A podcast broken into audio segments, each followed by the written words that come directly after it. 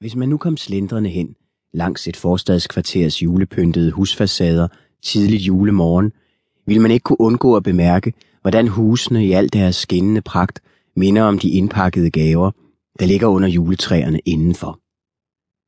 For de holder alle sammen på deres hemmeligheder.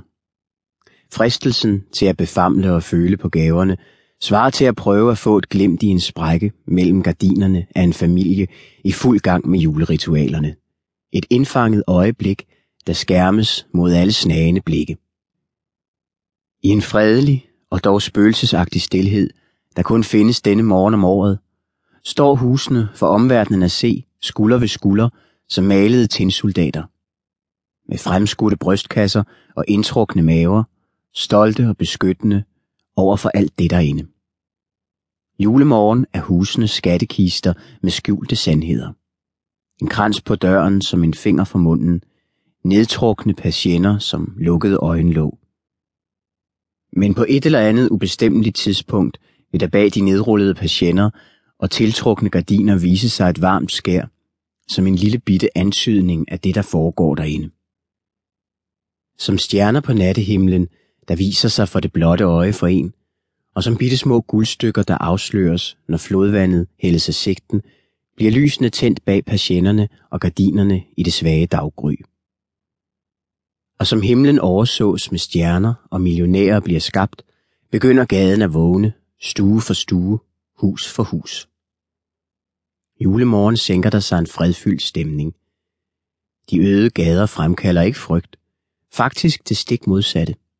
De er et billede på tryghed, og trods årstidens kølighed er der varme. Af forskellige årsager er det for samtlige husstande bare bedst at tilbringe denne dag på året inden døre. Mens der er højtidsstemning udenfor, er der indenfor en verden af skrigende farver, gavepapir, der bliver flået op, og gavebånd, der suser gennem luften. Julens musik og julens dufte, som kanel og nelliker og alskens rare sager fylder luften.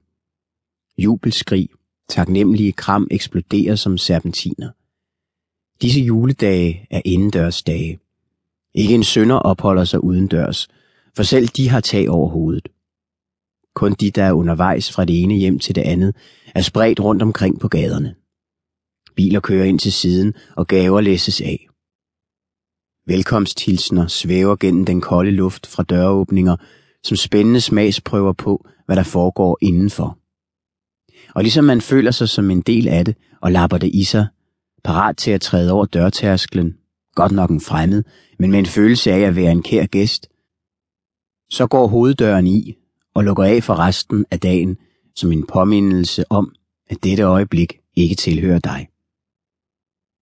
I dette specielle dukkehuskvarter vandrer en ensom sjæl gennem gaderne. Denne ensomme sjæl kan ikke helt se skønheden i husenes hemmelige verden. Denne ensomme sjæl er kamplysten, har kun lyst til at løsne sløjfen og flå papiret af for at afsløre, hvad der er indenfor i nummer 24. Det er ikke vigtigt for os at vide, hvad beboerne i nummer 24 foretager sig. Men hvis I gerne vil vide det, så er et 10 måneder gammelt barn, som er forvirret over grunden til, at der står en stor grøn, blinkende, stikkende ting i stuens hjørne, netop begyndt at række ud efter den blanke røde kugle, der så komisk genspejler en velkendt buttet hånd og tandløse gummer. Og samtidig med dette ruller en toårig sig i gavepapir og bader sig i glimmerstags som en flodhest i mudder. Ved siden af dem lægger han en ny diamanthalskæde om hendes hals, mens hun snapper efter vejret, tager hånden op til hjertet og ryster vantro på hovedet, præcis sådan som hun har set kvinder i sort-hvide film gøre det. Intet af dette har betydning for vores historie, selvom det betyder en hel del for den person, som står i forhaven til nummer 24 og kigger på de tiltrukne dagligdags stuegardiner. Han er 14 år gammel og optændt af morlyst. Han kan ikke se, hvad der foregår, men hans fantasi har fået god næring af hans mors daglige gråd, og han kan gætte det. Og derfor hæver han armene, fører dem bagud og derpå frem af al magt og slipper den genstand, han har i dem. Han går et skridt baglæns for med bitter fryd at se en 6,5 kilo tung